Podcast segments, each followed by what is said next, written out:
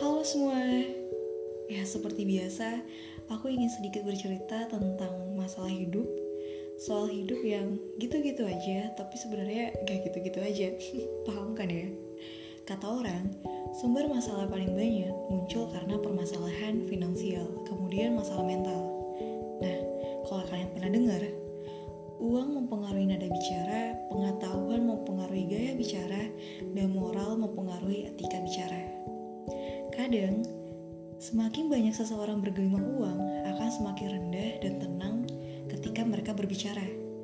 Dan semakin luas pengetahuan seseorang, semakin terarah dan tertata gaya bicara yang mereka sampaikan.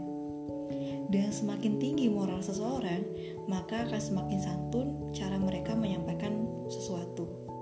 Nah, jadi tiga hal ini nih yang menjadi indikator kita ketika kita berinteraksi dengan orang lain.